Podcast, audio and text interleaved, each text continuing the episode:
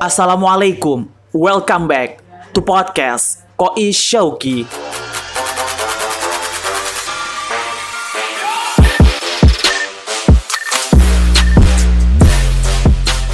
Assalamualaikum warahmatullahi wabarakatuh. Salam kenal guys. Kenalin, nama gue Caca. Kalian semua bebas mau panggil nama gue apa. Yang penting artinya bukan suatu kejelekan ya. By the way, uh, di sini gue akan cerita pengalaman asli hidup gue Tapi nggak sebanyak hidup gue juga Nanti kalian nggak mau denger lagi Saking panjangnya Cerita ini sih lebih tentang hijrahnya gue dari dunia kelabu, hitam, legam, mencekam, dan mengerikan menurut gue. Karena apa? Kalau udah masuk ke dalam jurang kegelapan yang mematikan ini, sulit banget buat meraih cahaya.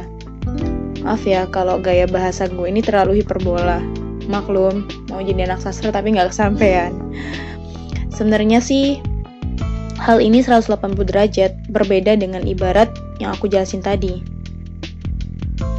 kalau lo masih dalam lingkaran itu, pasti yang lo rasain hanya kebahagiaan hakiki. Tapi kalau lo udah keluar, lo bakal tahu betapa dahsyatnya hal itu menghancurkanmu untuk mendapatkan kebahagiaan hakiki yang sebenarnya. Itu surga. Gini nih awal ceritanya. Tapi gue deskripsiin dulu siapa gue biar nyambung ceritanya. Nama gue Caca, Gue sekarang mahasiswa semester akhir di sebuah universitas swasta di Yogyakarta. Dulu ketika SMK, gue jurusan farmasi. Tapi ketika kuliah, gue ambil jurusan pendidikan. Emang gak nyambung kok. Tapi semuanya indah. Gue berasal dari Sumatera. Dulu ketika SMK, gue gak kenal yang namanya K-pop, Korea, K-drama, dan apalah itu sejenisnya karena memang dulu gue anaknya rajin ya, jadi cuek sama kehidupan luar gitu gue dulu juga anaknya obsesian tapi obsesinya lumayan positif dulu gue ngejar banget buat jadi orang yang nomor satu di sekolah di masalah prestasi. Dari ma awal masuk SMK gue biasa-biasa aja maksudnya gak bodoh-bodoh banget dan gak pinter-pinter banget.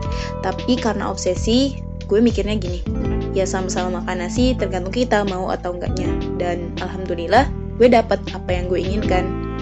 Niat gue sih awalnya beneran buat orang tua bangga sama prestasi anaknya. Siapa sih yang nggak mau uh, buat orang tua bangga? Ya nggak dulu pas sekolah gue nggak peduli masalah dunia luar atau tren film pokoknya uh, dengan teknologi dan sebagainya perkembangannya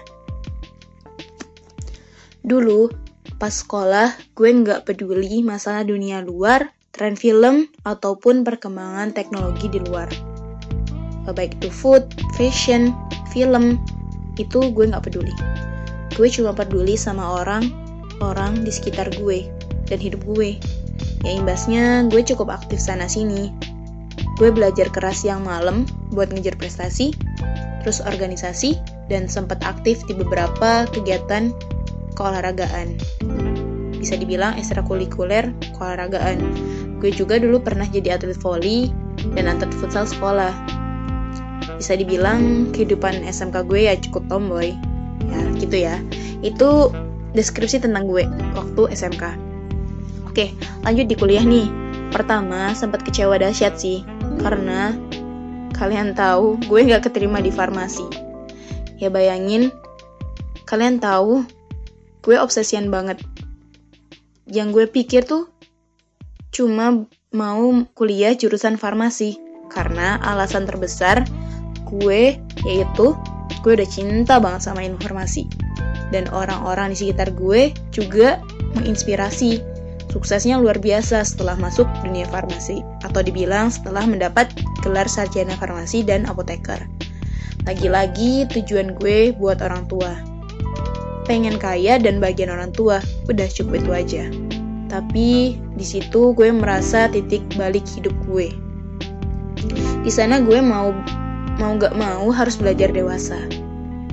Nah setelah itu singkat cerita gue menerima dengan ikhlas. Gue berharap Allah akan ganti lebih baik. yang bikin gue ikhlas sih nasihat dari uh, orang tua gue sih. Dia bilang kayak gini ingat kita semua punya keinginan tapi apa yang menurut kita baik belum tentu menurut Allah baik. Tap, namun yang menurut Allah baik pasti baik buat kita. Dan ketika Allah bilang itu bukan jalanmu yang gak bakalan dapet sekeras apa pun usahamu lagian gak harus jadi apoteker orang bisa sukses dan ingat loh jadi guru itu pahalanya dunia akhirat.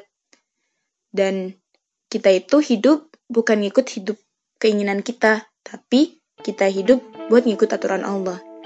Nah, cilep banget gak sih ketika itu?